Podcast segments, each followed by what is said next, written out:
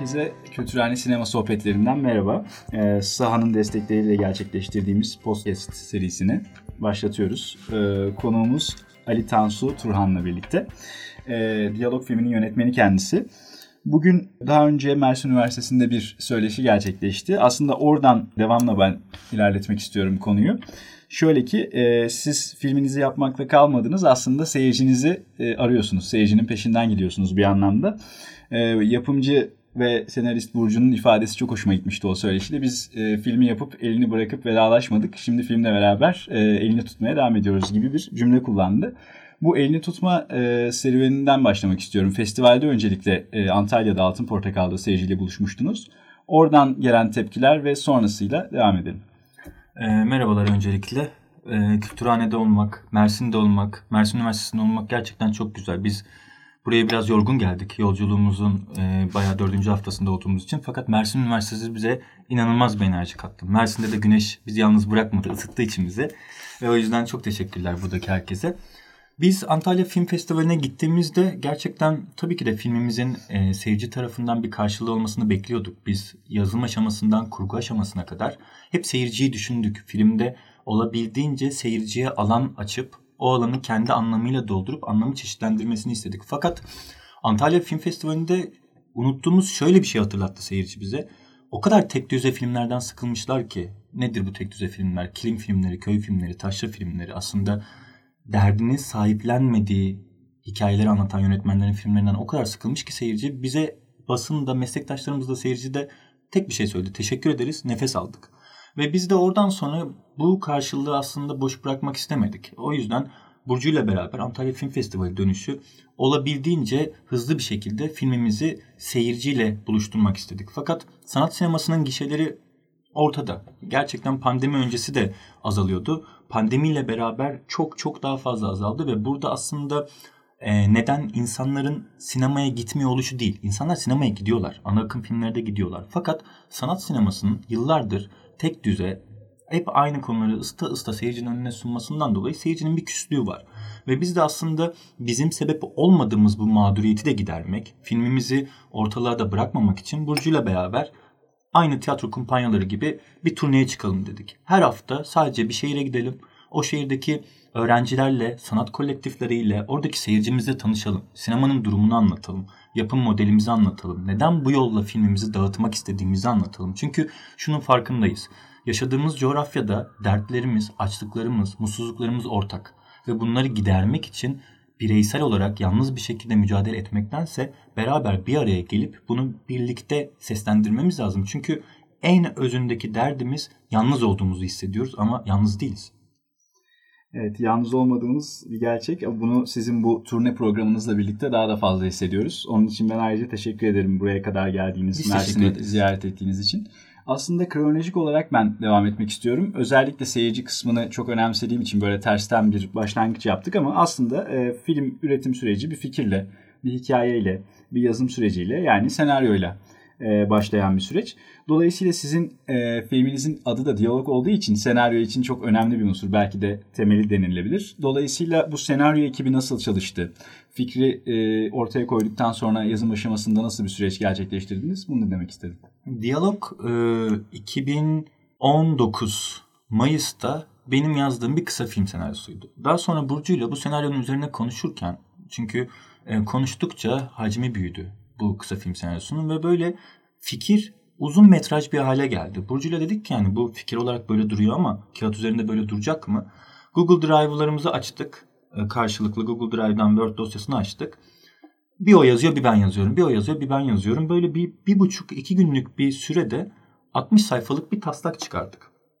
Daha sonra bu taslağı bizim senaryo ekibimize daha sonradan katılan Fahri Güllüoğlu'yla şair ve editör kendisi onunla paylaştığımızda o işin içine katılmak istedi. Karşılıklı olarak aynı şeyle e, aynı şeyi düşündüğümüzü anladığımız anda bir iki aylık sık eleyip ince dokuduğumuz bir sürece girdik. Çünkü Burcu'nun da edebiyat geçmişi var. O da Yapı Kredi yayınlarında çalıştı. Fahri hala orada çalışmakta ve şair.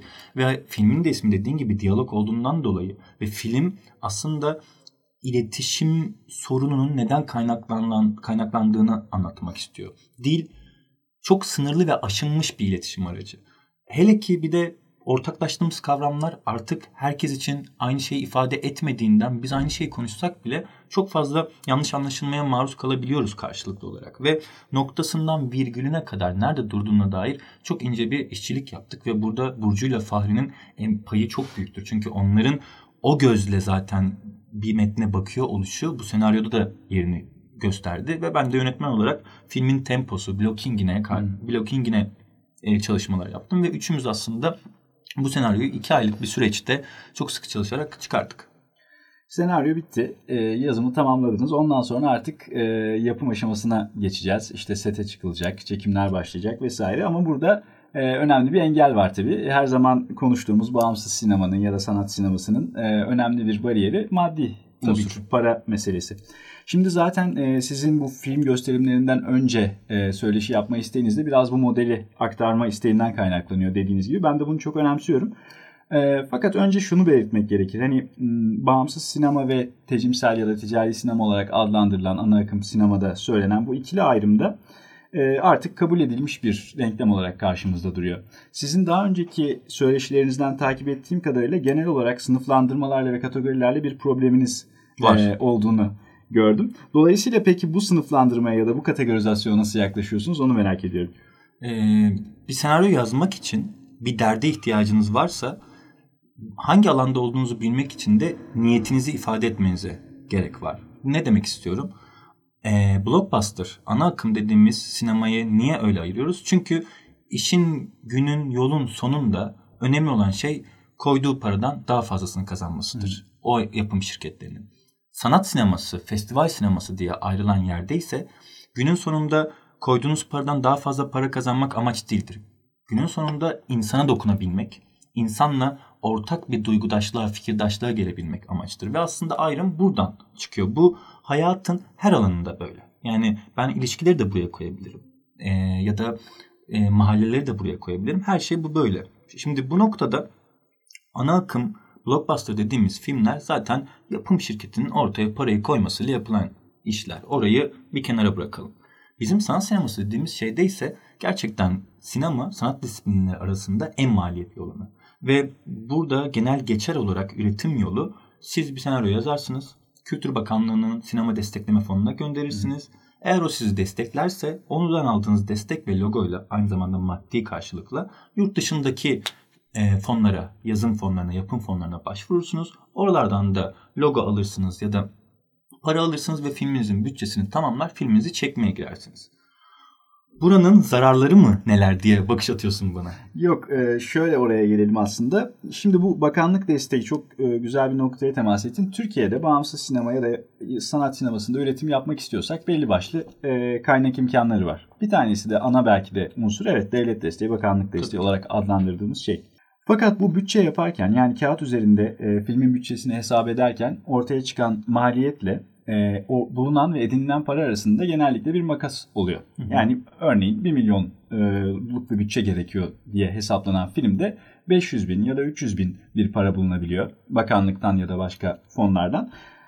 Normalde bu filmin e, gerçek yani hakkıyla önceden hesaplanan niteyle çekilemiyor olması gerekiyor. Yani çekilirse de bir takım kayıplarla, bir takım yeni uyarlamalarla çekilebilmiş olması gerekiyor. Ama e, sadece biz bu kadar para bulabildik. Filmi çekmekten vazgeçmeyelim ki bu da önemli bir e, düstur. Ama ortaya konan filmde eksik bütçe olarak tabir edilebilen bir maliyetle ortaya çıktığı için başta hayal edilen filmle ortaya çıkan ürün arasında bir açık oluyor. Yani bu e, açığı kapatmak ya da e, genel olarak bu açık olmasına rağmen filmi çekmeye devam etme isteği hakkında ne düşünüyorsun? Artısıyla eksisiyle. Ee, aslında şunu söyleyebilirim. Bence bizim gibi 3. Dünya ülkesinde yaşayan üreticilerin yaratıcılığı sadece senaryoda ve rejide kullanması yeterli değil. Yani sahip olduğunuz kondisyonlar ve altyapıları es geçerek bir hayal, bir plan kurarsanız dediğin gibi istediğinizi gerçekleştirememe, yarı yolda kalma ya da mutsuz olmak gibi sonuçlanabilir yolculuğunuz. Fakat sahip olduğunuz kondisyonların farkına varır, onları test ederseniz ben kısıtlı imkanı ola, kısıtlı imkan diye bir şeye inanmıyorum. İmkan varsa o doğru bir şekilde kullanıldığı zaman sonuca ulaşabilir. Çünkü kelime olarak yanlış. Yani kısıtlı imkan. Bir imkan hmm. var. Onun kısıtını neye göre belirliyoruz? Başka projelere ya da konjektüre göre işte benim bütçem onun bütçesine göre az. Ama buradaki rakamları neye göre belirliyoruz? Yani aslında bir bütçe yapmak e, bence çok yaratıcı bir iş. Ben rakamları, Excel dosyalarını çok severim. Hı. Ve burada aslında siz eğer adaletine dikkat ederseniz bütçenin ne demek istiyorum? Yani yönetmen, yapımcı, senarist, görüntü yönetmeni, oyuncular, teknik ekip diye sıralanan ekipte siz bir oranla adaleti sağlarsanız o zaman 500 bini de dağıtabilirsiniz adaletli bir şekilde Hı. ve hiç kimse bunun sesini çıkarmaz. 2 milyon da dağıtabilirsiniz 100 binde. Ama oranın ilk önce adaletli olması gerekiyor. Hı. Çünkü genel olarak hep sektörde şu vardır. Görüntü yönetmenin kaçası bu. Onun kaçası bu. Yönetmenin kaçası bu. Yahu tabii ki de bu paralar bulunuyorsa bu kaşeler verilsin ama bu paralar bulunmuyorsa film çekilmesin mi? Hı hı. Sonuçta ticari sinemadan da bahsetmiyoruz. Sanat sinemasından da bahsediyoruz. İnsana dair insanla yapılan bir şeyden bahsediyoruz. Ve siz bütçenizi açık bir şekilde masaya koyup herkese o oranı gösterdiğinizde zaten o işe çalışmaya gelen o adalete ve o senaryoya inanan insan olsun. Hı hı. Diğeri zaten sizle çalışmasın. Size yararından çok zararı dokunur.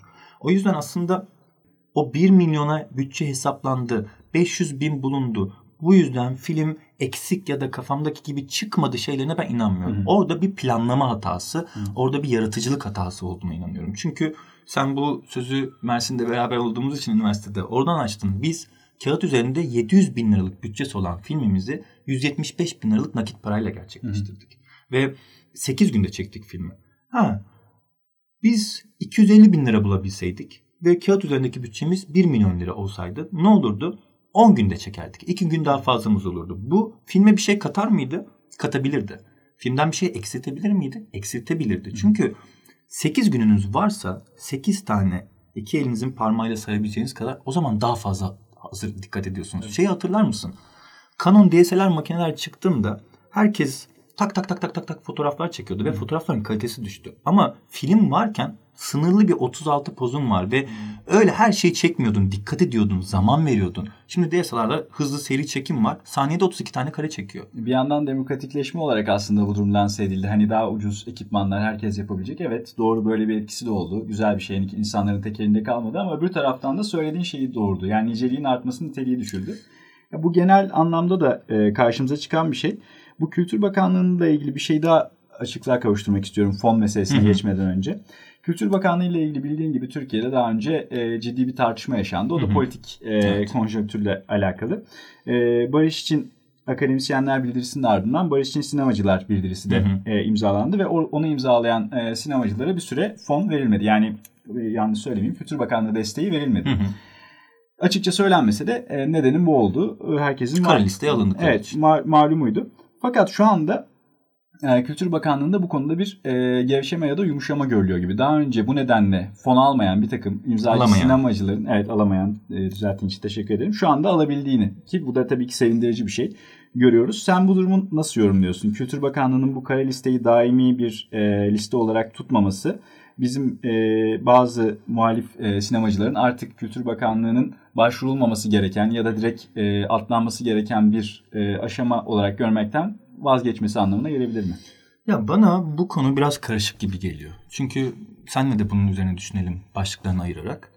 Ee, bakanlığın vereceği para bu ülkede yaşayan herkesin hakkı. Sonuçta bizim vergilerimizle toplanılan bir havuzdan üretmek isteyen projesini ortaya koyanın eğer projesi oradaki jüri tarafından beğeniliyorsa oradan desteklenmesi lazım. Şimdi oradaki jüri ne kadar değerlendirebilir ya da neyi değerlendirebilir? 10 projeye destek verecekse 8'in zaten kime gideceği belli. Diğer ikisi için yarışıyoruz aslında. Şimdi bu işin mekanik boyutu. İşin etik boyutuna bakalım. Ahlaki boyutuna bakalım. Şimdi neden kara listeye giriyoruz? Ee, hakkı savunduğumuz, hakikati ortaya çıkarmak istediğimiz için. Bu yüzden cezalandırılıyoruz ve fon alamıyoruz. Tamam. Bu ceza neden kalktı? Ya da bu cezayı verenler ortadan kalktı mı? Yani burada mesela Tolga Karaçelik onun başına evet. geldi. Şimdi Kelebekler'de sanırım hı hı. alamadı. Doğru. Daha sonra şimdiki projesinde Aldım. yapım desteğinden yani hatta proje geliştirmeden alıp yapımdan da almaya başvuracak. Şimdi hı. Tolga'ya kızabilir misiniz? Hayır. Çünkü hakkı. Ama verenler değişti mi? Değişmedi. Şimdi şuna ben çok dikkat edelim istiyorum. Ve bence bu bütün sosyal hayatın da kökündeki dinamit. Siz çok bireysel hareketler ettiğinizde o sözdeki muhalifliğiniz eyleme ne kadar yansıyor? Bende bir soru işareti var. Çünkü aynı bakanlık, aynı otorite, aynı zihniyet size verdiğinde iyi, vermediğinde kötü. Ama size verdiğinde başkasına vermediğinde iyi mi kötü mü? Hı hı. Yani aslında burada e, tabii ki de sinema çok pahalı bir disiplin ve üretmek için e, fonlara ihtiyaç var. Fakat e, bir şeyi günlük çözmek, temelinden çözmemek ne kadar yarar sağlıyor ya da toplumsal yarardan, adaletten ziyade daha kişisel, bireysel bir yere mi gidiyor? Burada hiçbir tarafı suçlamıyorum. Sadece sesli bunu düşünelim istiyorum. Çünkü gerçekten taleplerimizi birleşerek kolektif bir halde dile getirirsek o zaman bence daha adaletli bir paylaşmaya, taksime doğru yön alabiliriz. Çünkü şu anda soru işaretleri oluşuyordur bence. Doğru. Sen ben, ne düşünüyorsun bu konu hakkında? Bakanlık desteğinin tutumu hakkında mı? Değişmesi noktasında. Hem bakanlık desteğinin tutumunun değişmesi hakkında hem biz üreticilerin e, zihniyet ya da otorite değişmemesine rağmen bize yardım ettiği sürece hı hı. tamam etmediği sürece hayır kötü olma durumunu nasıl değerlendiriyorsun? Ben bunu doğru bulmuyorum. Yani bize yardım ettiğinde iyi, bize yardım etmediğinde kötü. Sadece kendimizi kerteriz alarak bir şey değerlendirmenin tutarlı bir bakış olduğunu düşünmüyorum. Daha genel bütüncül bir bakışla yaklaşmak gerektiğine inanıyorum. Dolayısıyla sadece e, işte bana yardım ediyor etmiyor değil genel e, bir değerlendirme yapmanın daha doğru olduğunu düşünüyorum. Ama bakanlığın bu bahsettiğim husustaki e, tutum değişikliğine tabii ki olumlu yaklaşıyorum. Hani az önce söylediğimiz tabii ki, gibi tabii e, ki. suçlayabilir miyiz Sola Karaçeli'yi? Hayır dedik. Ve keşke daha fazla insan faydalanabilse ki yurt dışında e, başka ülkelerde özellikle Avrupa ülkelerindeki e, bu devlet desteği biraz da e, tarihsel olarak Hollywood'a karşı Avrupa sanat sinemasını tekrar ayağa kaldırmak için ortaya çıkan bir e, model olduğu için daha fazla destekler veriliyor. Hem rakamsal olarak hem sayı olarak daha fazla sayıda filme, kişiye. Keşke e, Kültür Bakanlığı'nın da Türkiye'de daha fazla insana, daha fazla miktarda destek verebildiği bir noktaya doğru gelsek kimseye ayrımcılık yapmadan sadece ve sadece önüne gelen işte senaryoya, projeye, bunun niteliğine bakarak objektif bir. Peki şöyle bir şey söyleyeyim. Bakanlıktan konuyu açtın. Köprüde buluşmalar. Hı hı. TRT 12 punto. Hı hı. Şimdi e, bir tarafı eleştirirken karşımızda düşün karşımızda olduğunu düşündüğümüz bir tarafı eleştirirken yanımızda olduğunu düşündüğümüz ama karşı tarafla eylem ve mekanik olarak aynı şeyi uygulayanını da bir düşünmeyelim yani. Ben tam oraya gelmek istiyordum. Kültür Bakanlığı e, bahsini kapatıp ama orada bir parantez olarak şeyi belirtmek istiyorum. Belki dinleyenler hani neden bu kadar e, yapım süreci ya da üretim süreci konuşuluyor derse diye. Ben kişisel olarak ki sizin de hani bununla ilgili bir derdiniz olduğunu zaten biliyorum. Sizin modelinizi de konuşacağız. Oraya doğru geliyoruz. Ee, üretim sürecinin ortaya çıkan e, projenin niteliğini ciddi bir biçimde etkilediğini düşünüyorum. Bu sadece maddi e, miktarlarla ilgili değil, o sürecin nasıl işlediği, o mekanizmaların nasıl devreye sokulduğunun e, günün sonunda hangi estetik biçimlerle bir film izliyor oluşumuza doğrudan bir etki yaptığını inanıyorum. Dolayısıyla üretim sürecine biraz e, genişçe yer ayırdım. Umarım dinleyenleri sıkmıyoruzdur. Kültür Bakanlığı ana unsur dedik Türkiye'deki bağımsız sineması, sanat sineması için. Bir diğer unsur da senin az önce söylediğin fonlar. Hem yurt dışındaki e, fonlar işte Yurmaj'dan tutun CNC, Fransa'daki başka Almanya vesaire şu bu. Bir yandan da e, senin de söylediğin Köprüde Buluşmalar Türkiye'deki en eski e, bir festival hmm. bünyesinde, ulusal bir festival bünyesinde, İstanbul Film Festivali bünyesinde oluşturulan bir aslında ortak yapım marketi olarak da e, ifade edebileceğimiz yapı. Daha sonra arkasından işte Antalya'daki Film Forum e, vesaire. Şu anda sanırım Boğaziçi Film Festivali'nin benzer bir e, oluşumu var. Bosphorus Film Lab gibi. Temelde bu iki ana aksla ilerliyor. Hem pitching platformlarla hem de work in progress'lerle. Zaten oraya da geleceğim. Bu fon konusuna e, nasıl yaklaştığını, artısı, eksisi, eleştirel boyutu. Ama bu, burada bir şeyi de e, aydınlığa aslında kavuşturmak istiyorum. Bir önceki söyleşide bahsedilen sizin de e, başvurduğunuz work in progress yani bunu kategorik olarak e, reddetmeme zaten hani ne gerek var. E, buradan bir destek arayışınız oldu. İnsanların kafasında şöyle bir soru işareti kalmasını istemem. Şu anda e, bu yapılara karşı ses çıkarıyorlar, alternatif model üretiyorlar, eleştiriyorlar. Oraya başvurmuşlar zamanında alamadıkları için mi oraya laf atıyorlar gibi bir sorunun önüne geçmek için bu konuyu biraz aydınlatmanı isterim. Tabii. Festivallere, fonlara karşı değiliz üretimin festivaller ve fonlara göre yapılmasına karşıyız. Çünkü artık e, festivallerin ya da fonların sansür uygulamasına gerek yok. İnsanlar otosansür uyguluyor, Hı. üreticiler. Nedir? Yurt içindeki bahsettiğin Kültür Bakanlığı ana fonu, Hı. yan damarlar olarak TRT 12 Punto, Köp'te buluşmalar belli konjektürler ve belli zihniyetlere fon veriyorlar. Şimdi siz oraya gönderirken zaten o hikayeyi yazıp gönderiyorsunuz ve fon arıyorsunuz. Hı. Yani kimse kusura bakmasın. Köprüde buluşmalar yapımcılar network'üdür. Ve yapımcın olmadan da başvuramadığın bir fondur. Halbuki filmi üreten, filmi hayal eden yönetmen ve senaristin olmasının neden yetmediğini anlamıyorum. Tabii ki de yapımcıyla başvurmak daha sağlıklı ve planlıdır. Fakat orada konjektüre göre bir fon veriyor. TRT 12 Punta da öyle Hı. yapıyor. Yurt dışı yurt dışı bizden oryantalist hikayeler bekliyor. Bize açık açık şu dendi. Norveçli bir yönetmen olsaydım biz bu filmi alırdık. Bunu söyleyen bir sales agent. Hı. Biz filmi beğendik fakat ben kendi vitrinimde bir Türk bu filmi çekmiş diye bunu sergileyemem. Çünkü Türk bir üreticinin malını almak isteyen aşk filmi almak istemiyor. Onu Fransızdan almak istiyor. Senden köy filmi, oryantalist, kilim, taşra filmleri almak istiyor diyor. Ve bizim üreticilerimizde tabii ki de bu düsturu sektördekiler biliyor. Ve burada hiç şunu demiyorum. Bu konuları çeken bütün yönetmenler, üreticiler böyledir demiyorum. Ama büyük bir çoğunluğu bence film çekmek için değil, yönetmen olmak için bu projeleri üretiyor. Hı hı. Bu verdiğin örneğe ben de bir şey eklemek isterim. Ben birkaç yönetmenden şöyle bir şey duymuştum. Filmlerini festivale e, gönderdikten sonra oradaki seçici kurulda daha sonra bir takım işte partilerde ne bileyim yemeklerde bir yerlerde denk gelinebiliyor. Orada sorduklarında hani neden seçmediğini işte seçki değer vermediklerini, filmi çok beğendiklerini, aynı sana söyledi o sales agent'ın söylediği gibi. Filmi çok beğendiklerini ama bunun bir Türk filmi olmadığını. E, peki diyor ki yönetmen Türk, yapımcı Türk. Yani Türkiye'de çekilmiş film. Türk filmi olması için daha ne olması gerekiyor? Oradaki jüri şeyi ifade etmiş. Yani estetik olarak e, bu örneğin Doğu Avrupa e, sineması estetiğiyle ilgili kafasında bir takım kodlamalar var ve filmi izlediğinde Türk bir yönetmen çekmesine rağmen bu film Türk filmi değil diyor. Çünkü o kafasında oluşturduğu şablona uymuyor. Evet. Dolayısıyla sırf bu nedenle reddedilmiş oluyor. Ki buna da şuradan önemsiyorum. E, festivallerde e, önemsiyoruz dedik. Tamamen kategorik olarak reddetmiyoruz dedik. Çünkü seyircilerle buluşması anlamında sanat sinemasının önemli bir ayak.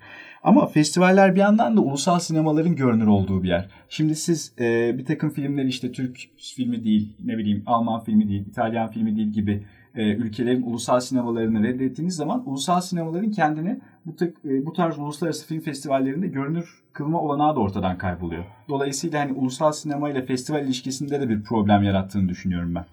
Ya şunu söyleyebilirim şimdi Cannes Film Festivali'ne e, o yıl çekilen en iyi filmler seçilmiyor.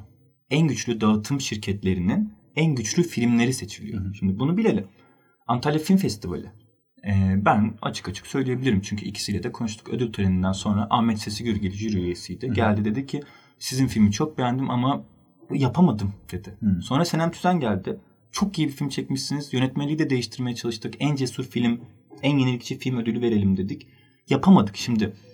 Ben bunu anlamıyorum. Yani ödül almazsınız. Bu bir gustodur. Yani hiç oraya karşı bir itirazım yok. Fakat siz o jürideyken ve iki jüri üyesi geliyor. Yedi kişilik jüriden. Şimdi bunu isteyip yapamadığını bir de bir gelip üreticiye bunu söylediğinizde biz Burcu ile beraber biz ağlama duvarı değiliz dedik. Sosyal medyanızdan açıklayın. Çünkü yani her an kendimizi ifade ederken bu ifadeyi bu kadar böyle kapalı bir yerde bireysel bırakmak neden? Yani şunu tekrar etmek istiyorum. Festivale, fonlara karşı değiliz. Hı hı. O fonlar belli vakıfların, devlete verilen vergilerin oluşumundan bütün üreticilerin hakkı. Festivaller seyirciyle buluşmak, meslektaşlarınla buluşmak, başka bir atmosfer tatmak için inanılmaz yerler. Hı. Fakat buralara göre üretim yapmanın karşısındayız. Çünkü sanatsal üretimde samimiyet ve çıplaklık olmazsa o zaman sizin ticari üretilen işlerden ne farkınız kalıyor? Benim bir cevabım yok. Oradaki bağımsızlık iddiasını da zedeliyor o noktada. Yani siz bağımsız film yapmak için, bağımsız sinema çatısı altında bir üretim yaptığınızı söylerken bir takım fonlara, bir takım desteklere bağımlı olmuş oluyorsunuz. Dolayısıyla bunun üzerinden hatta tam bağımsız sinema gibi bir takım başka söylemler de oluşmaya başladı. Şimdi bu tam tam tam tam diye gider. Şu var. Bağımsızlık nedir? Egemenlik nedir? Sizin kararınızı kendi inisiyatifinizde uygulayabilmeniz her ne koşulda olursa olsun. Şimdi şu var. Bir film bir film almış 50 tane fon ve hiç kimse işine karışmamış. Bağımsızdır. Yani bağımsızlığın mekanik boyutu vardır. Bunun içine ekonomik boyutu da girer. Bir de duygusal boyutu vardır. Şimdi siz tamam hani bir yerlerden fon almak etmek sizin işinize karışmıyorlarsa bence hala bağımsızdır. Çünkü nedir? Sizin hayalinize inanmış. Siz bağımsız bir üreticisiniz. Kendi hayalinizi gerçekleştirmekte ve o fonlar da size bunun için destek vermiş ve karışmamış. Buna hiçbir lafım yok ya da siz onlar size fon versin diye hikayenizin etrafından dönmemişseniz bu bağımsızdır. Fakat Şimdi Antalya Film Festivali'nde karşılaştık ve bunu oradaki basınla, meslektaşlarımızla da konuştuk çok fazla.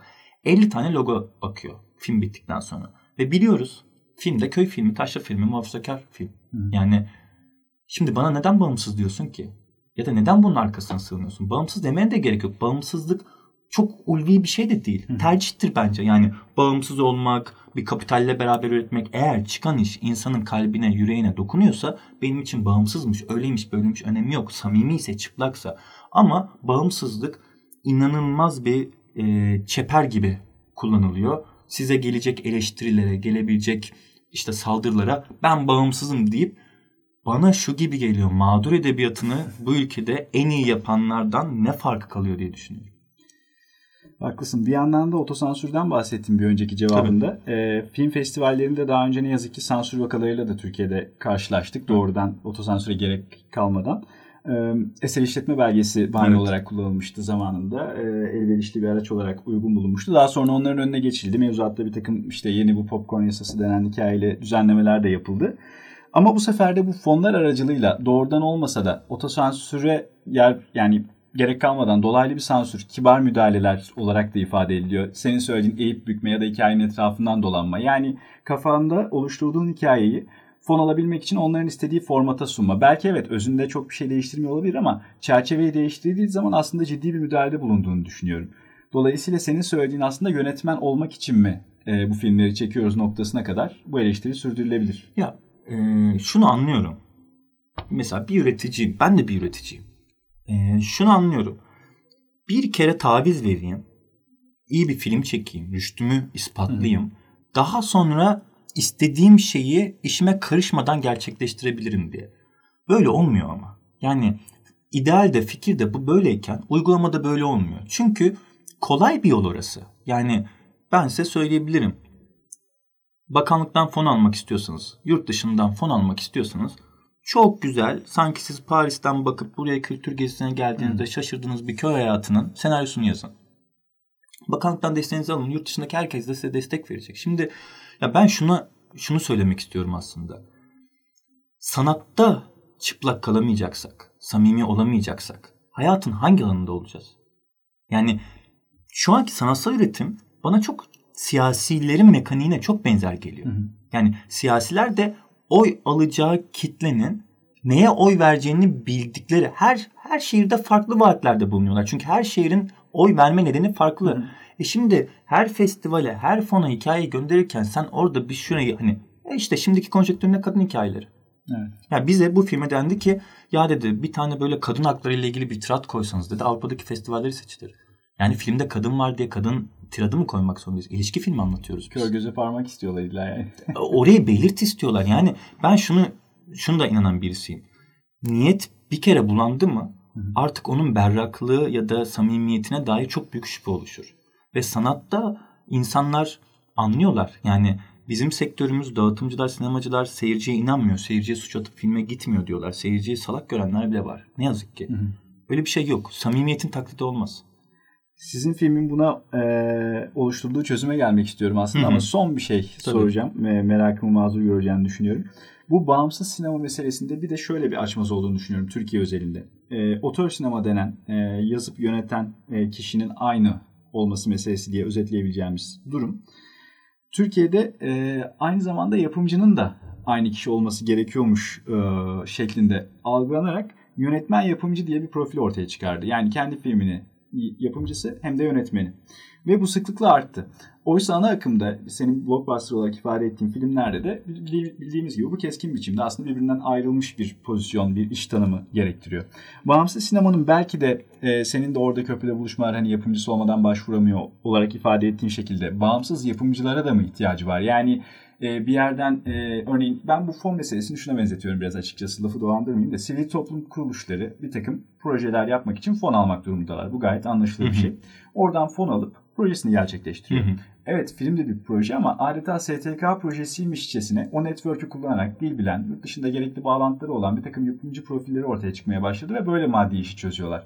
Oysa yapımcılık bu mudur? Bağımsız yapımcı profili derken bunu kastediyorum. Yani ana akımdaki gibi hem sermayesi olan, buna maddi destek sunabilecek hem de filme inanan, oradaki işte yani bildiğin executive line vesaire ayrımları çerçevesinde üzerine düşeni yapacak yeni bir insan ortaya çıkamaz mı Türkiye'de? Yani çok güzel bir şeyden bahsediyorsun ve hani ben bunun cevabını bilen birisi olarak konuşmuyorum şu anda. Bunu düşünen birisi olarak düşüncelerimi seninle paylaşıyorum. Hı hı. Ee, ana akımdaki gibi yapımcılar çıkmaz. Çünkü buranın ekonomik götürüsüyle getirisi ana akım gibi değil. Yani Recep İvedik 7 milyon izlendi.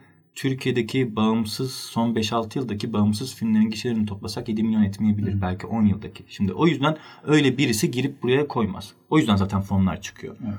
Fakat yapımcılık para toplanacak kaynakları bilmek mi? Hı hı. Yoksa elindeki senaryo ve ekibi nasıl çalışabileceğini düşünüp ona göre bir riski ve geliri paylaşarak bir model oluşturup üretime dair, üretime odaklı yolculuğa çıkmak mı? Tam da sizin modelinize geliyor zaten. Evet yani aslında şu var yani yapımcının kelime anlamına baktığım zaman yapmak, bir şeyi gerçekleştirmek. Tamam. Şimdi bunun için para lazım mı? Çok öğrenilmiş bir çaresizlik olduğunu düşünüyorum ben. Hı. Çünkü insanla bir şey yapıyorsunuz. insana dair bir şey yapıyorsunuz. Her aşamasında insan var. Hı. İnsan ikna edebilirsiniz. İnsanları inandırabilirsiniz. İnsanlarla karşılıklı güven ilişkisi kurabilirsiniz. Ve böyle olduğu zaman tabii ki de uzun metraj film belli alanlarda getirisi olan bir iş. Hı. Ve şunu diyebilirsiniz insanlara. Gel beraber yapalım. Gel beraber kazanalım ne kazanıyorsak. Hı. Yani neden bunu yapmıyoruz ki?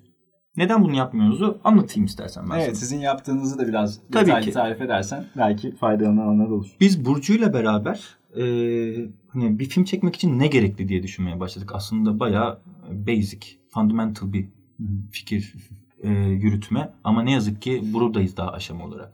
Yani evet bir derde ihtiyaç var. Onun senaryo formatına dönüşmesine ihtiyaç var. Size ve o senaryoya inanan insanların olmasına ihtiyaç var. E böyle olduğunda para engel olmamalı. Hmm. Araç olmalı. Zaten para bir araçtır. Amaç olamaz ya da engel olamaz. Bir şey için araçtır. Hmm.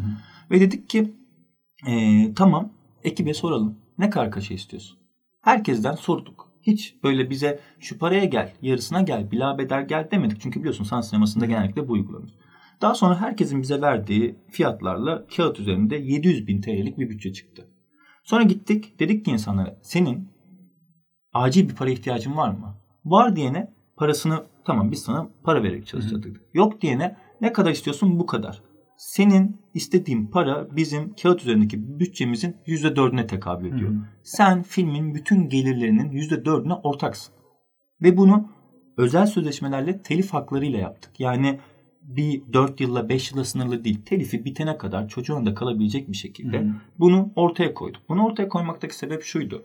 Gerçekten riski bölüştüğümüz yerde geliri bölüşürsek ve böyle üretim modelleriyle filmler üretilirse ve bunlardan 2-3 tanesi tutarsa o çalışan kişi için Hı. kira gibi bir gelir olabilir. Çünkü filmlerin e, sürekli bir gelir ekonomisi var. Siz işte bir yıllığına bir dijital platforma satıyorsunuz. Daha sonra sizden başka bir dijital platform oluyor. Ulusal TV'ye satıyorsunuz. Tekrar retrospektif olarak vizyona girebiliyorsunuz. Hı hı. Ya da işte başka başka başka bir sürü gelir geliri var ve bu bitmiyor, tükenmiyor. DVD'si basılıyor, koleksiyonu alınıyor, o oluyor, bu oluyor, şu oluyor.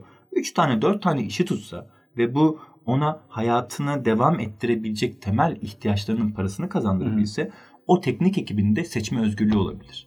Yani aslında biz bunu bu yapım modelini Burcu'yla kurarken düşünürken daha doğrusu biz yeni bir şey icat etmedik. Hı hı. Bu zaten herkesin başka sektörlerdeki yapılan bir şey bu. Sadece sinemada yapılmıyor. Niye? Çünkü sinemada bir ödül kazandığınız zaman özellikle şu anki kurdan da dolayı çok fazla gelir elde ediyorsunuz. Ya da Avrupa'da bir festivale gittiniz. Oradaki bölgesel bir dağıtımcı sizin filminizi dağıtmak istedi. Ülke başına 20-30 bin euroya 6 bin ülke alıyor 180 euro. Hepsi yapımcının hesabına gidiyor. Yapımcının e yapımcının bedavaya ya da yarım kaşeye çalıştırdığı kişiye onu aldıktan sonra para veriyor mu? Hayır vermiyor. Yani birebir içindeyim. Yani buradan yeni bir konu başlığı açmayayım sana. Sadece yeni bir podcast şey açayım. Hı. Belki sana birisi ulaşır söyler. Bulut filmin hikayesini sana orada çalışanlar anlatsın. Ben Hı. anlatmayayım. Hı. Çünkü ben dışarıdan gözlemleyenim ama sana çalışanlar anlatsın. Hı. Ve yani Yamaç Okur'un şu anda ne yaptığını da hani Yamaç Okur da anlatabilir Bulut filmin ne yaptığını. Fakat şu var gerçekten üretmek istiyorsak ve üretmeye bu kadar ihtiyacımız olan bir coğrafyada yaşıyoruz biz. Yani sanatın bile samimi, çıplak olmadığı bir yerde insan ilişkilerinin, toplumun açık, çıplak ve samimi olmasını bekliyoruz. Olamaz. Ve yani Burcu ile beraber dedik ki yani tamam biz riski paylaştığımız insanlarla gelir de paylaşalım. Ve 700 binlik bütçeyi 175 bin liralık nakit parayla gerçekleştirdik. O 175 bin lirayı da 28 tane yatırımcıdan bulduk. Hı. Filmin bütçesinin %1'i ve %2'sine tekabül edecek 7 bin 14 binlik şeylerle. Çünkü şunu bilmiyoruz tabii ki de sanat sinemasının ekonomisini ne kadar döndürebiliriz? Ve istediğimiz kişilerden yüklü para istemeyelim ki mahcup olmayalım, onun da hayatını karartmasın.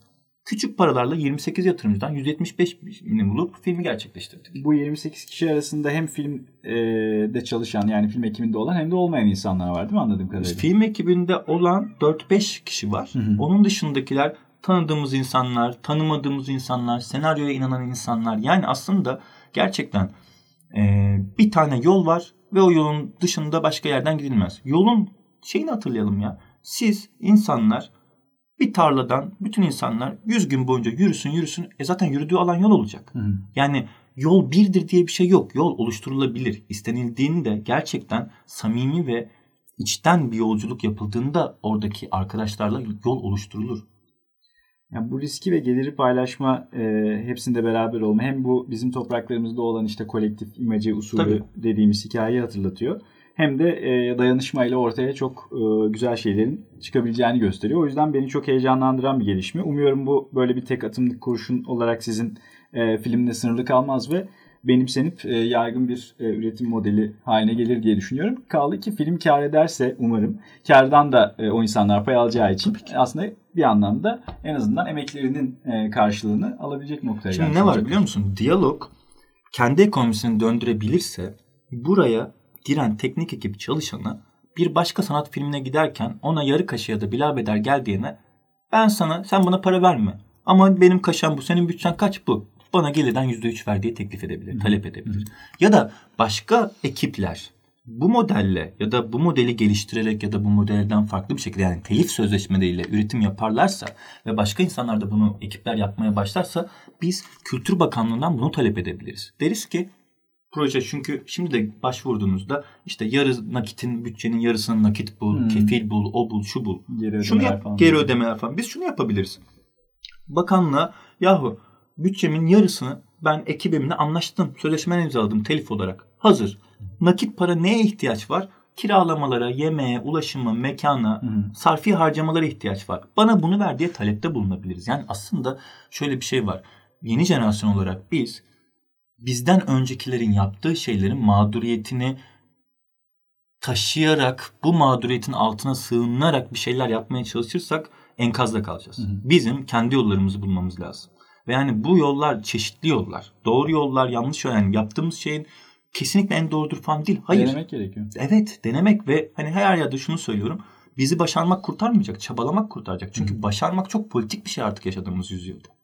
Doğru. Meşhur Beket'in lafı da var ya hep yeni, Tabii daha yeni, daha yeni, bir daha yeni. Oraya ki. geliyoruz aslında bir yandan da. Umarım artık yenilmekten de kurtuluruz tabii ki bu denemelerin sonucunda.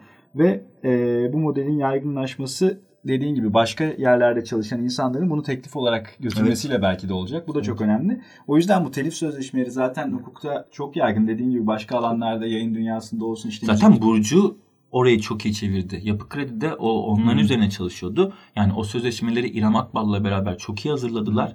Yani o işte mekanik sistem böyleydi. Burcu sözleşmeleri, telifleri böyle ekledi. Hmm. Yani abi olur.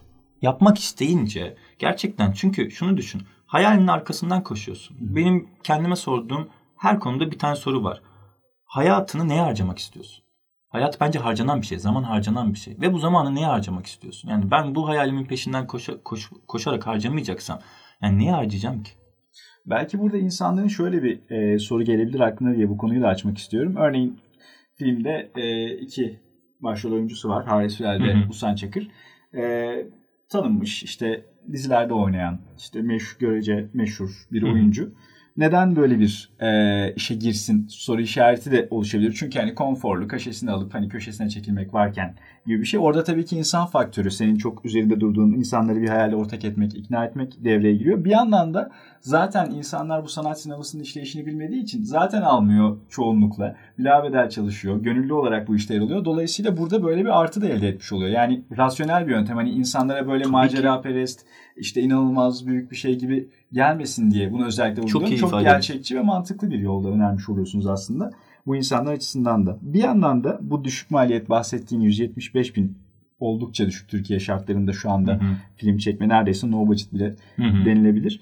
Ee, bunu sağlamak için tabii ki belli parametreler var. Örneğin işte 2-3 hafta genellikle setlerde geçirilebildiğini biliyoruz. Ama sizin film bir hafta 8 gün sanırım 8 tam gün. olarak çekildi. Sette kaldınız. Çünkü her kılınan gün masraf demek ve siz bunu minimize ettiniz bir şekilde. Ama bunun için de bambaşka şeyler yaptığınızı biliyorum. Biraz bana o süreçten de bahseder misin?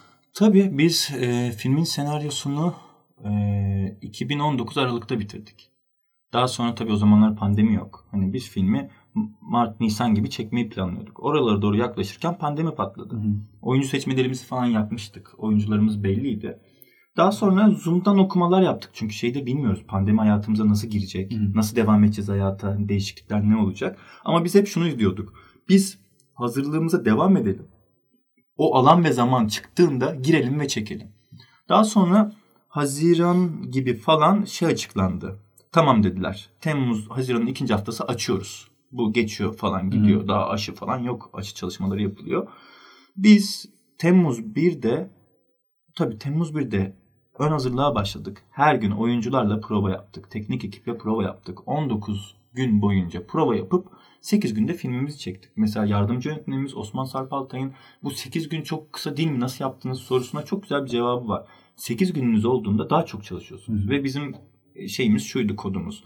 E, Alman ön hazırlık, Fransız çekim. Hani gerçekten bu işi santimetre santimetre hesaplayacağız. Hı. Set sadece uygulama yeri olacak. Sette bir şey bulmayacağız, icat etmeyeceğiz. Tabii ki de karşımıza çıkan tesadüfleri alıp filme dahil edeceğiz. Ama ne yapacağımızı ışık asistanından e, oyuncusuna, makyözüne kadar herkes bilecek. Ve gerçekten de şeyi avantajını yaşadık. İnsanlar o kapanma da o kadar sıkılmıştı ki hayatından ve geleceğe dair o belirsizlikten dolayı ilk dışarı çıkıştı ve herkes çok açtı. Herkes özveriyle çalıştı. Yani onun çok büyük bir katkısı oldu gerçekten. Bir yandan da film çekiminde e, biraz o hikayeye de girmiş olduk. Önemli bir takım ilginç unsurlar var. Onları da e, açalım istiyorum. Bir tanesi hem oyuncu seçimlerinde bahsettik. İsmini de anlamış olmayalım. Funda Eryiğit evet. Var aslında oynayanlar arasında. Ama aynı şu an podcast'te olduğu gibi onu da görmüyoruz. Sadece duyuyoruz. Hem bu tercihi biraz e, sormak istiyorum. Hem de e, yarım saatlik yani 32 dakika ama yuvarlak hesap söyledim. Yarım saat Türkiye sinemasında pek rastlanmayan e, bir plan sekans var aslında. Dolayısıyla e, bu da çok ciddi bir tercih. Hem kurgu aşaması için hem çekim zamanı için. O kararı nasıl aldınız ve estetik olarak nasıl uyguladınız? Ee, önce Funda'dan başlayayım. Hı hı. Ee, biz Burcu ile beraber, daha sonra Fahri ile beraber senaryoyu hayal ederken hep şunu gözettik. Bir ilişki anlatıyoruz ve ilişkinin iki noktasındaki, iki insanın arasındaki şey de o iki insanı görüntüde de sözde de hep denk bırakmak, dengeli bırakmak istedik. Çünkü üç kişi olduğunuzda cinsiyete, kimliklere göre olmasa bile fikre göre ikiye birde bir denge bozulur. Olabildiğince Hare ile Usan'ı hep dengede bırakacak kararları almaya, oyun alanını öyle çizmeye çalıştık. Ve o yüzden en başından itibaren yönetmen karakterini hiç görmek gibi bir düşüncemiz yoktu. Hep duyacaktık ve hatta hem e, arkadaşlarımız hem o, o yönetmen rolünü oynayacak oyuncular şey sordu ya sen neden oynamıyorsun Hı. diye. Çünkü seslendireceksin. Aslında orada atladıkları bir şey vardı ve hepsine söyleyince hepsi de ikna oluyordu yani anlıyordu daha doğrusu. Bir oyuncunun en büyük iki silahını alıyorsunuz belki elinden. Jest ve mimik. Hı hı. Ve çok daha zor bir şeyi veriyorsunuz. Çünkü biz yönetmen karakterinin dış ses olarak kalmasını istemiyoruz. O yüzden karakter diyoruz. Ete kemiğe bürünmesi lazım. O yüzden gerçekten işin mekaniğini bilen bir oyuncunun o iki tane silahı yokken sadece sesiyle her şeyi yapması gerekiyordu. Ve aynı zamanda Funda sette vardı bütün çekim günlerinde. Çünkü biliyorsun oyunculuk paslaşma işidir. Hı-hı. İyi pas alırsan iyi pas atarsın. Hı-hı. Ve Usan'la Hare orada Funda yani evet Funda'nın biz sadece sesini duyuyoruz ama Funda orada oynuyordu zaten. Kamerayı çekmesek bile Funda onlara karşı oynuyordu ve orada çok iyi bir paslaşma sağladılar ve Funda sete 4 gün kala dahil oldu. Yani Funda'ya çok teşekkür ederiz. Funda gerçekten geldi sorusunu sordu. Yönetmen koltuğuna da oturdu galiba. Evet sorusunu Dolly'e de oturdu. Sorusunu sordu. İkna oldu. Olduktan sonra full ezber ezber ezber geldi. Valla ağzına sağlık, emeğine sağlık Funda. Gerçekten çok iyi oldu. Ee, hatta ilk yönetmen e, karakterini oynayacak kişi erkekti. Biz hmm. Funda'ya teklifi götürdüğümüzde Funda dedi ki ya siz iyi misiniz? Erkek birisi oynayacak. Sete dört gün kalmış siz bana getiriyorsunuz diye. Sonra senaryo okudu anlattık. Evet dedi yani siz bunu cinsiyet düşünmeksizin yazmışsınız. Olur dedi uyguladı. İkinci şey neydi? Plan sekans. Plan sekans. Biz filmde gerçekten bu bahsediyoruz ya e, çoğu sanat sineması üreticisinin derdi seyirci değil. Derdi festivaller, fonlar, festivaller, fonlar, jüriler diye dönen bir şey. Biz gerçekten seyirciyi çok düşündük. Yani yapmamız gereken bir şey zaten bu. Hani hani sen bana diyorsun ki abi zaten hikaye anlatıyorsun. Nasıl dinleyiciyi düşünsün? Ama işte durum burada yani. Sen de farkındasın. Ve seyirciye farklı seyir zevkleri sunmak istedik film içinde. Film ekranın üçe bölündüğü bir sahneyle açılıyor Hı. ve daha deneysel bir izlek var. Daha sonra Usan'la Hare'nin kendi isimleriyle oynamasından dolayı Hı. ve çekimlerin daha ham olmasından dolayı seyirci bir belgesel izlermiş gibi gerçeklikle kurmaca arasında gidip gelsin istedik. Çünkü ilişkiler de öyledir ya. Gerçek mi, evet. kurmaca mı bilemezsin. Daha sonra da o 32 dakikalık planda şahitlik hissi yaşasın dedik. Çünkü o sahnenin bizdeki kodu The Night'tı. O gece. Ve herkesin o gecesi olduğunu düşünüyorduk biz. Nedir o gece? Akşamı birisiyle devirirsin. Konuşulacak her şeyi konuşursun. Gece eve dönerken sessizliği paylaşırsın.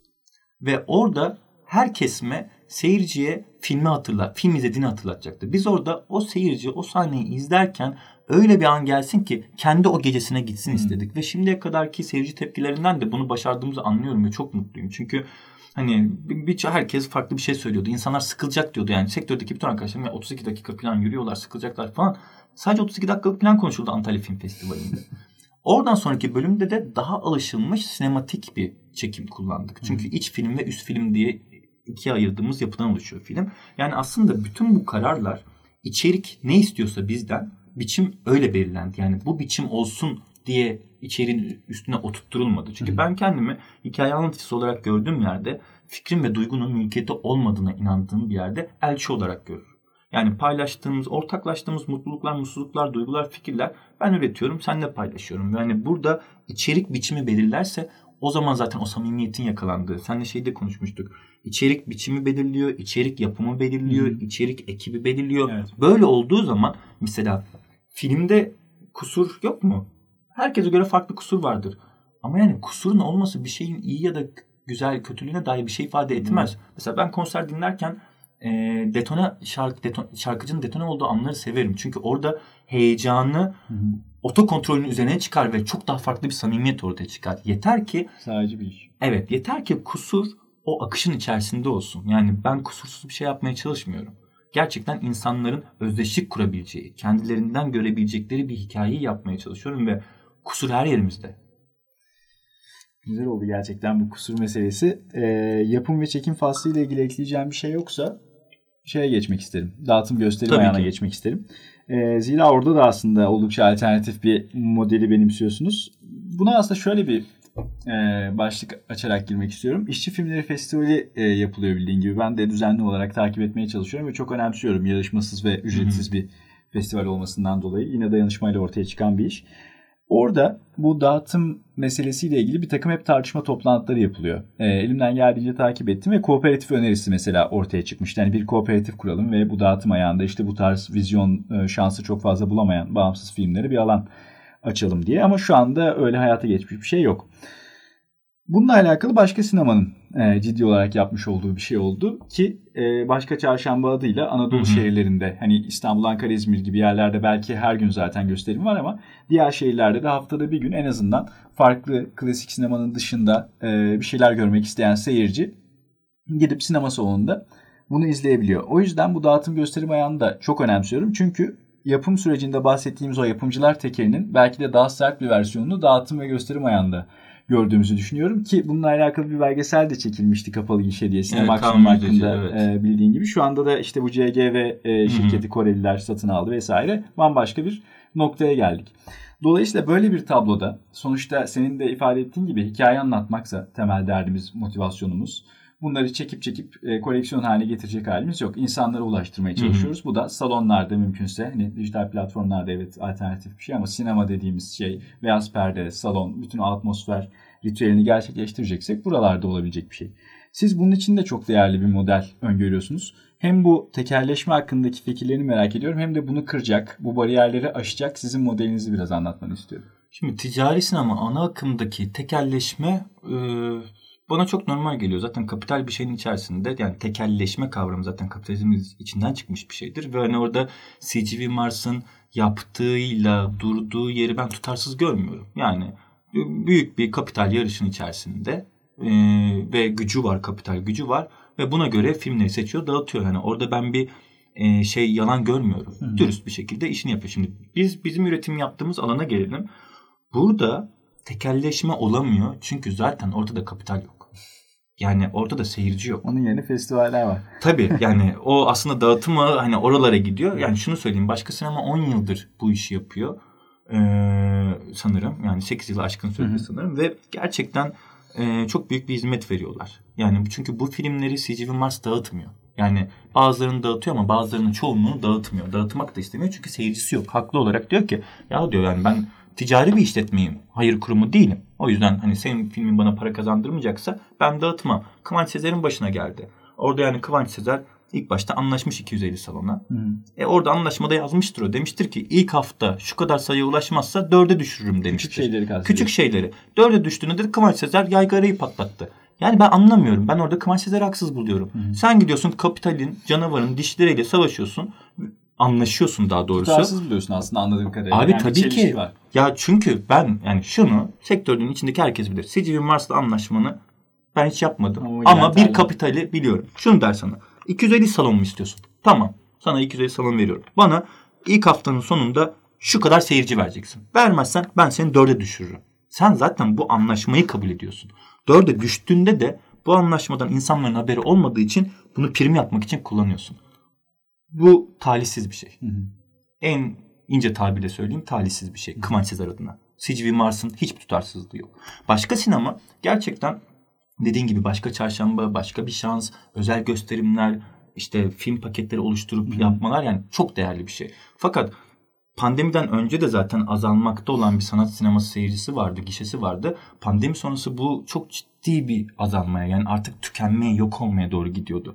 Ve gerçekten burada e, seyircinin sinemaya gitmiyor statement'ı yanlış. Seyirci sinemaya gidiyor. Fakat seyirci onu düşünen sinemaya gidiyor. Ülkede çekilen yerli sanat filmlerinin yılda 10 tanesinin en az 8 tanesi aynı film. Hı. Ve hiçbiri e, o seyircinin yaşadığı yerlerdeki o seyircinin hayatını anlatmıyor. Çünkü köylerde sinema yok. Şehirlerde sinema var ama 10 filmin 8'i köy filmi. Hı hı. Şimdi bu noktada biz Burcu ile beraber Antalya Film Festivali dönüşü dedik ki yani e, bu sonuç vermeyen dağıtım modeli ve aslında küsmüş olan seyirciyle barışmak için ne yapmamız lazım?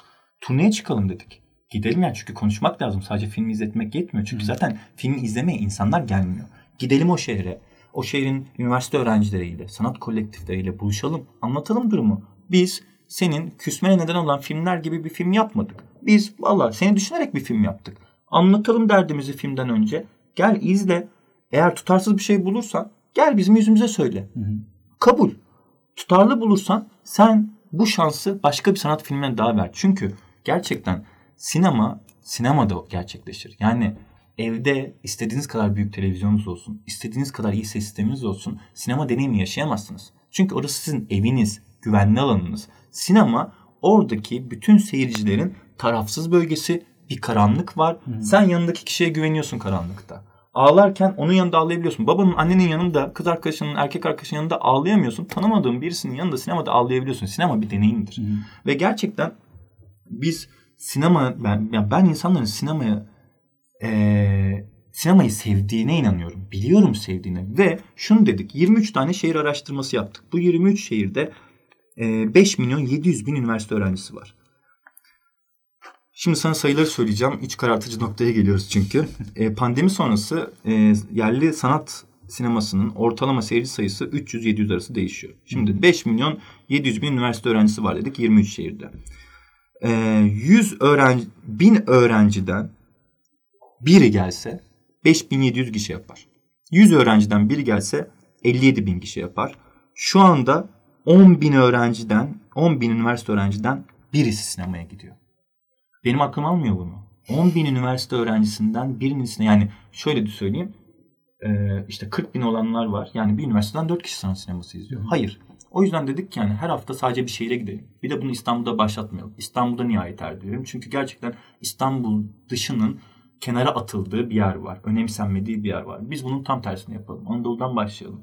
Tabii Ankara'dan başladık. Oradan Antalya'ya gittik. Oradan Eskişehir'e. Şimdi Mersin'deyiz. Şehir şehir dolaşalım. Öğrencilerle görüşelim. Derdimizi sinema durumunu anlatalım. Çünkü o öğrenciler bizim aynı zamanda meslektaşlarımız. Onlar mezun olduktan sonra bu işi yapacaklar. Eğer sinema salonları kalırsa hala yaşarsa, kalmazsa bu işi sinema salonlarında yapamayacaklar. Ve anlattığımızda bugün sen de gördün karşılık görüyorsun. Yani insanlarla aynı dertlerimizin, mutsuzlarımızın olduğu tek farkının biz eyleme geçmişiz. Onlar eyleme geçmeye hazırlanıyor. Hı hı. Ama onlar bizi gördüğünde biz ne zengin insanlarız. Ne bir yerden fon aldık. İşte e, ne de bir ayrıcalığımız var. Bayağı iki yıl önce ben o oturan o üniversite öğrencileri gibiydim. Aynı yerdeydim. Burayı yaptım. Beni görünce, Burcu'yu görünce diyorlar ki o yaptıysa ben de yapabilirim. Tam olarak istediğimiz şey şu. O yaptıysa ben de yapabilirim. O yaptıysa ben de yapabilirim. Biz yapmaya başladığımızda bu döngü değişecek. Çünkü bu sefer o fonların tek düzeleştirdiği filmler değil, gerçekten kişisel, insanların özdeşik kurabileceği, Hı. şehirde geçen, üniversitede geçen, genç hayatı anlatan, gençlerin derdini, gençlerin hayallerini anlatan, bu nüfusun çoğunluğunun hikayelerini anlatan filmler çıktıkça o sinemalar dolacak. Ve o sinemalar dolduktan sonra böyle bir derdimiz kalmayacak. Ben inanıyorum buna. Ben de inanmak istiyorum ve e, sizin bu turne hikayenizi çok samimi ve politik bir tavır olduğunu düşünüyorum ki e, karşılıklı... Film hiç politik değil. Evet bir yandan evet öyle baktığında ilginç. E, gördüğünüz şey yani bu insanlarda karşılık bulması, heyecan yaratması da bu samimiyetten kaynaklandığını inanıyorum. Çünkü kanlı canlı karşılarına çıkıyorsunuz insanların. Genelde sanatçılarda özellikle belki de yönetmenlerde o senin de tarif ettiğin yönetmen olmak sadece o title almak için bu işi yapanlarda böyle bir hali oluşuyor. Ulaşılmaz tepede, usta her, herkesten uzak, izole olmuş falan. Dolayısıyla e, tırnak içerisinde sıradan insanlar da asla bunu yapamaz. Sadece bir takım ayrıcalıklı ve imtiyazlı kitleler bununla uğraşabilir evet. gibi. E, maliyetler de buna eklenince iyice öyle bir durum oluşuyor. Siz hem maliyeti yapım ayağında hem dağıtımdaki bu turneyle seyircilerle görüşme, söyleşme kısmıyla bunları yıkıyorsunuz. Ben e, açıkçası gerçekten çok devrimci bir tavır olarak değerlendiriyorum bunu. O yüzden de ayrıca tebrik ediyorum kendime. Sana bir e, kısa bir anımızı anlatayım. Ankara'da ilk hafta ilk durağımız Ankara'ydı. E, Büyülü Fener'de ikinci günün seansına da dört ekip katılımlı e, seans gerçekleştirdik Ankara'da. İkincisinde seyirciler altı kişiydi. Saniye soru cevaba çıkan ekip yedi kişiydi. bir tane e, orta yaşlı bir e, seyircimiz kalktı dedik ya bizim sizden özür dilememiz lazım. Siz buraya ekip olarak 7 kişi gelmişsiniz biz 6 kişiyiz. Hayır dedim özür dilemeyin. E, dedi ki ben dedi 2013'ten beri filme git, ha, gitmiyordum. Ha, pardon pandemiden beri Hı-hı. filme gitmiyordum. Ve aslında daha toplumsal filmleri severim. Hani sizin filminizi de sevdim ama daha toplumsal filmleri Hı-hı. severim dedi. Ben de ona dedim ki bizim filmimiz toplumsal bir derdi yok. Ama filmi yapanların filmi yapma halinden dağıtma haline, seyirciyle buluşma haline kadar o toplumsal olanlardan çok daha çıplak bir toplumsal hali var. Evet dedi. Yani aslında gerçekten siyasetin dengesi, politikanın dengesi, toplumcu hareketin çünkü bir sinemacı STK'cı değil, siyasetçi de değil. Hmm. Sanat zaten tam olarak o kadar ince bir iş ki siz bunların hepsini kapsayıp hiçbirini yapmadan sanatçı olabilirsiniz. Hı Bence burası çok ince bir çizgi. Yani Costa Gavras işini çok iyi yapıyor. Hı ama şimdi Costa Gavras'la ben Emin Alper aynı yere koyamam. Hı hı. Emin Alper Costa Gavras'ın yaptığını yapmaya çalışıyor bence. Hı hı. Ama Anladım. bunu içinden geldiği için mi yapıyor yoksa Costa Gavras olmak için mi yapıyor bilmiyorum. Hı hı. Bu turne ve telif meselesiyle ilgili şöyle bir tespit de yapacağım müsaadenle. Ee, o da ilginç geliyor bana. Aslında senin de söylediğin gibi telif sözleşmeleri işte yayın dünyasında, müzik dünyasında uygulanan şeyler siz bunu sinemaya taşıyorsunuz Hı-hı. bir anlamda. Turne zaten tiyatroda işte müzik gruplarının Hı-hı. yaptığı bir şey siz bunu sinemaya taşıyorsunuz. Dolayısıyla sinemanın hep maliyetli olmasından kaynaklanan artı olarak da kendini farklı bir yere koyma durumunu diğer sanat disiplinleriyle ortaklaştırarak disiplinler arası bir tavır da yaratmış oluyorsunuz. Hı hı. Bence bu da çok güzel. Yani diğer sanatların hali hazırda uyguladığı yani siz Amerika'yı aslında yeniden keşfetmiyorsunuz. Değil abi hali hiçbir şey icat etmiyoruz. Hali hazırda olan bir şey sadece ödünç alıyorsunuz, devralıyorsunuz, buraya katıyorsunuz. Dolayısıyla eğer bu yöntemler sinemaya da kazandırılırsa buradan hem sinemacıların hem seyircilerin hem sinema salonlarının bütün bu sektörün diğer ayaklarının kazançlı çıkacağını düşünüyorum ben. O açıdan da kıymetli geliyor ama gösterim ayağını konuşurken salonlardan işte pandemi etkisinden falan bahsetmişken dijital platformlara girmezsek eksik kalır diye düşünüyorum. Onunla ilgili şöyle bir parantezle sana pas atmış olayım. E, bugün de bahsedildi bu mevzuat işte popcorn yasası diye e, tabir ettiğimiz yeni sinema yasasında çok acımasız bir süre kondu.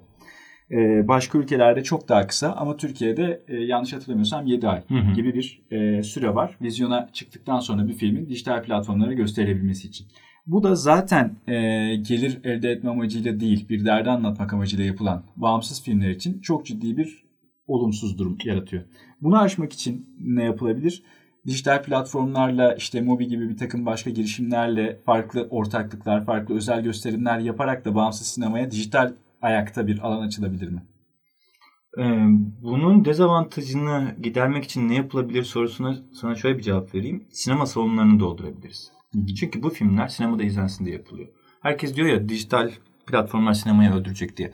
İşte televizyon icat edildiğinde de aynı şey deniliyormuş. Televizyon geldi sinemalar ölecek. Hayır sinema farklı bir deneyim. Ve ben dijital platformların sinemanın ikinci altın çağını yaşatmaya imkan sağlayacağını düşünüyorum. Nasıl?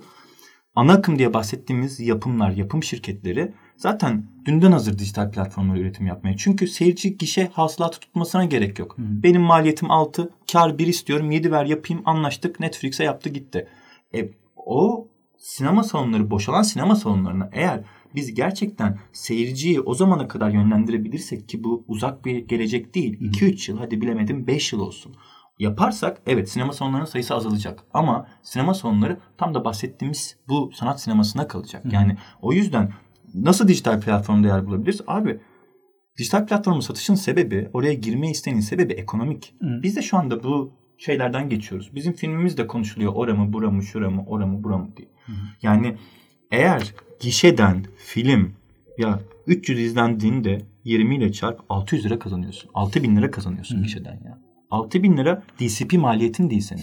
Ulaşım, lojistik, kargo maliyetin değil. Ama senin gişen 50 bin olsa yani 57 bin ne demek istiyorum? 100 üniversite öğrencisinden birini sinemaya getirebilsen senin 57 bin gişen olsa 20 TL ile çarptığın zaman 1 milyon 400 bine yakın para kazanıyorsun. Şimdi bunu kazandığın zaman hı hı. sen gişeden çıkarsın. Evet. Sonra 8 ay sonra girersin dijital platforma ne olacak abi? Anladım. Ama şu anda bu döngünün e, zamanın uzun olmasının şeyi e, o parasını alamıyor zaten o para ödemesi ne zaman olacak edecek falan filan böyle sorunlar çıkartıyor. O yüzden şunu diyorum. Biz sinema filmi çekiyoruz sanat sineması üreticileri olarak. Hı. Ona göre kadraj kuruyoruz. Ona göre ya ben ses tasarımı yapıyorum. Post Bıyık'tan Yalın Özgenci beni çok iyi anlar.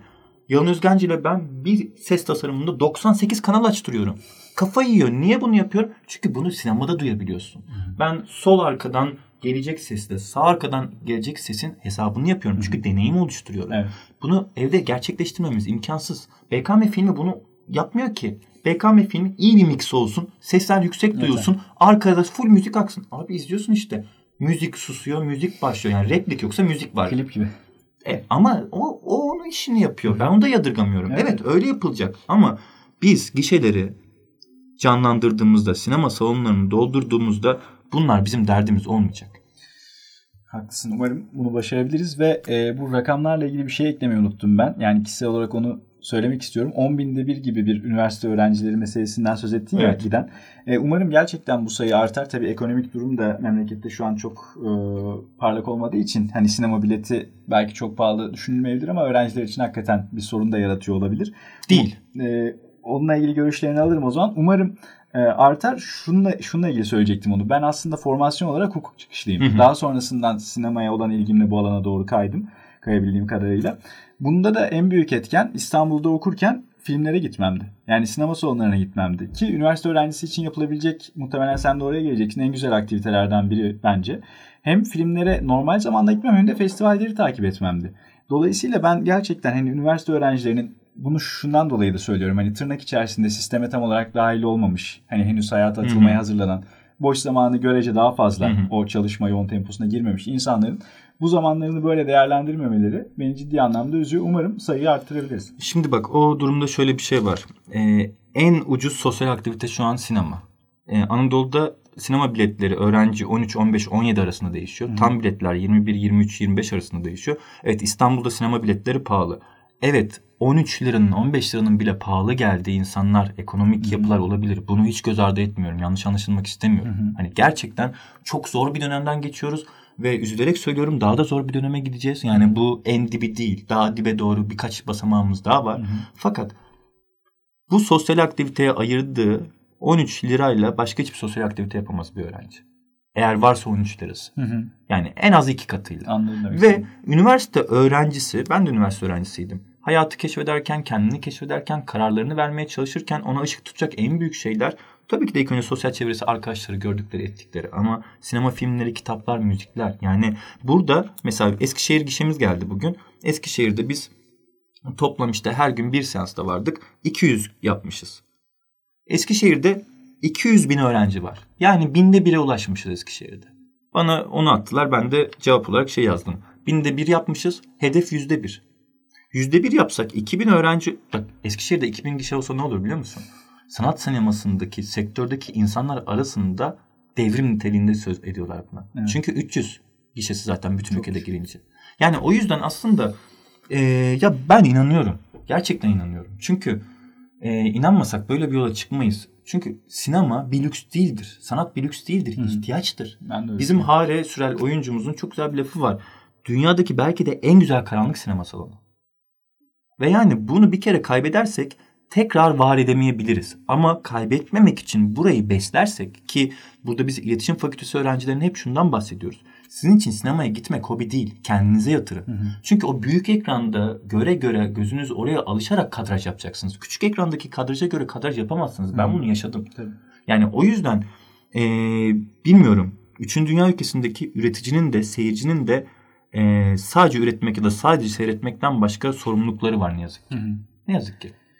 Söyleşiyi kapatmadan bu dağıtım gösterim ayağı ile ilgili söyleyeceğim bir şey yoksa e, senin şu şu özel durumunu da vurgulamak isterim. Antalya'da Altın Portakal'da literatüre girdin aslında. Hem Hı-hı. kısasıyla hem uzunuyla yarışan yönetmen olarak Hı-hı. ve bildiğim kadarıyla kısa jüri özel ödül evet. aldı. Onun için de ayrıca tebrik ederim. Teşekkür ederim. Bir de ekibinizden e, Burcu'nun da e, evet, Burcu kısa, filmi, kısa vardı. filmi de vardı. Dolayısıyla hakikaten çok üretken bir e, dönem geçirmiş oldunuz. Umarım bu devam eder. Hem onu soracağım hem de bu turneye e, nerelerde, hangi tarihlerde devam edeceğini belki dinleyenler takip etmek isterse onu duymak isterim. Bir de filmle kapatalım. Film de e, bir üçlemenin ilk filmi sanıyorum. Evet. O üçlemeden de bahsetmek ve devamında neler yapmak isterim. Valla bütün podcast boyunca çok iyi paslar attın. Ee, ben böyle sen o kadar iyi paslar attıkça üniversiteden geldiğimiz için biraz yorgun olduğumdan ulan doğru karşılayabildim mi, iyi pas attım mı diye gayet, düşündüm. Gayet. Ağzına sağlık. Şöyle cevap vereyim. 24, 25, 26 Aralık yani bugün senle bu söyleşi ne zaman yayınlanacak podcast bilmiyorum ama Cuma, Cumartesi, Pazar 24, 25, 26'da Mersin'deyiz. Mersin'de Saya Park Siner sinemalarında her akşam 19.30'da oynuyoruz. Şimdi bu turneyi yapa yapa kervan yolda düzülür mantığıyla Ocak ayında şöyle bir şey yapacağız. Şehirler tam belli olmamakla beraber başlangıç noktası 14-15 Ocak İzmir. iki gün İzmir'deyiz. Oradan Muğla, Balıkesir, Çanakkale, Tekirdağ, Edirne, Lüleburgaz gibi ardışık 8 gün boyunca her akşam bir seans orada ekip katılımını gösterim olarak böyle bir 8 günlük bir şey deneyeceğiz. Ve aslında bunu denerken nerede katılım iyi, nerede salon doluyor, o bu şuna bakıp Şubat'ta da böyle bir program yapıp daha doğuya gidip Mart'ta da böyle bir program yapıp biraz daha kuzeye gidip Nisan'da İstanbul'da gişeye girerken iyi geri dönüşler aldığımız Manisa bu arada tam olarak bunun şeyi şu andan bile bile satışları çok iyi Manisalılara çok teşekkür ederiz. Ee, İstanbul'da gişeye girerken tekrar iyi reaksiyon almış yerlerde gişeye gireceğiz. Ve yani turne gerçekten yolda düzülüyor. Çünkü getirisi götürüsü hani başka sinema burada bizim ayaklarımız yere basıyor ama bir hayal kuruyorsanız onun sürekliliği çok önemlidir. Yani siz direttiğinizde özellikle sanatta bu böyledir. Ne kadar diretirseniz bir yerden sonra artık o gözün göremeyeceği bir yerde kalmaz. Onu göz kesinlikle görür. Turne böyle. Üçlemeye geçmeden önce şeyi de söylemek istiyorum. Bu yaptığınız e, davranış yani turnedeki gösterim ayağında oluşturduğunuz sistem bana biraz üçüncü sinemayı da hatırlatıyor. Yani bu Latin Amerika'da yapılan alternatif underground biraz daha yeraltı yerlerde belki tabii ki farklılıkları var tarihsel olarak da ama sonuçta klasik modelin dışında yeni bir şey denemek bu anlamda benzeştiriyorum bu yaptığınız şeyi. Seyirciye nasıl ulaşacaksa film onu üretici yapmak zorunda abi. Mesela Sinekars, Kars'ta Sinekars topluluğu var. DCP makineleri bozulmuş. Evde film izliyorlarmış. Biz Kars'a gideceğimiz zaman DCP makineleri bozuksa evde filmi izleriz. Işıkları kapatırız. Evde bir tane oraya el projeksiyonu götürürüz. Perde çekeriz. Yine orada bir karanlık oluştururuz. izleriz. Burada da Mersin Efil var bu arada. Onu da ismini almadan geçmemiş olalım. Yani seyirciye filmi götürmek. Onun o filmin üzerine konuşmak. Çünkü bu film laf olsun diye yapılmıyor. Ben bildiğim şeyi anlatmak için film yapmıyorum. Keşfetmek istediğim şeyi seyirciyle beraber anlam yüklendikçe anlamak için yapıyorum ve o yüzden diyalog ilişki temas üç temasının üçlemenin ilk filmi. E, diyalog iki kişinin çok primitif bir ilişki kurması, tanışmasını anlatan bir film. Login ikinci film. Şimdi Nisan'da Ayvalık'ta çekeceğiz. 10 günde aynı yapım modeliyle. Bu da dijital uygulama üzerinden tanışan iki kişinin gerçek hayatta buluştukları bir gecede başına gelenleri anlatan bir film. Hı hı. Monolog, üçlemenin son filmi insanın kendisiyle olan ilişki. Hı hı. Bu üçlemede gerçekten iletişimi, çünkü çağımızın en büyük sorunun iletişimsizlik olduğunu düşünüyorum. Ve bunu kendini ifade etmemekten değil, dinlememek, karşı tarafın dinlememesinden kaynaklı olduğunu düşünüyorum. Ve aslında bunu keşfederken, bunu üreterek keşfedip, insanlar izleyip, yorumlarını söyleyip bir yere varmaya çalışıyorum. Yani o yüzden eee, böyle yani keşfediyoruz. Yani benim üretici olduğum yer, üstte olduğum bir yer değil. Sadece eylemde olduğum bir yer. Yoksa ben seyirciyim. Umarım e, iletişimsizlikten bahsetmişken ben de söyleşi boyunca seni iyi dinleyebilmişimdir ve dinleyicilere de güzel bir e, kulak zevki yaşatabiliriz. Çok teşekkür ederim katıldığım için, e, katıldığın için. Benim için de çok e, değerli bir ederim. deneyim oldu. Seninle bu sohbeti yapmak e, çok keyifliydi. Filmin yolu açık olsun. Umarım bu model e, herkese örnek olur ve yaygınlaşarak artar. Siz de e, karşılığını alırsınız diye umuyorum. O zaman sana ben pas atayım. Sen bana geri pas at. Öyle kapatalım. Bir daha nerede görüşeceğiz? Sinema salonlarında Esas görüşeceğiz. olarak sinemalarda görüşeceğiz. Sinemalarda görüşürüz. Sinemalarda görüşürüz. Sinemalarda görüşürüz.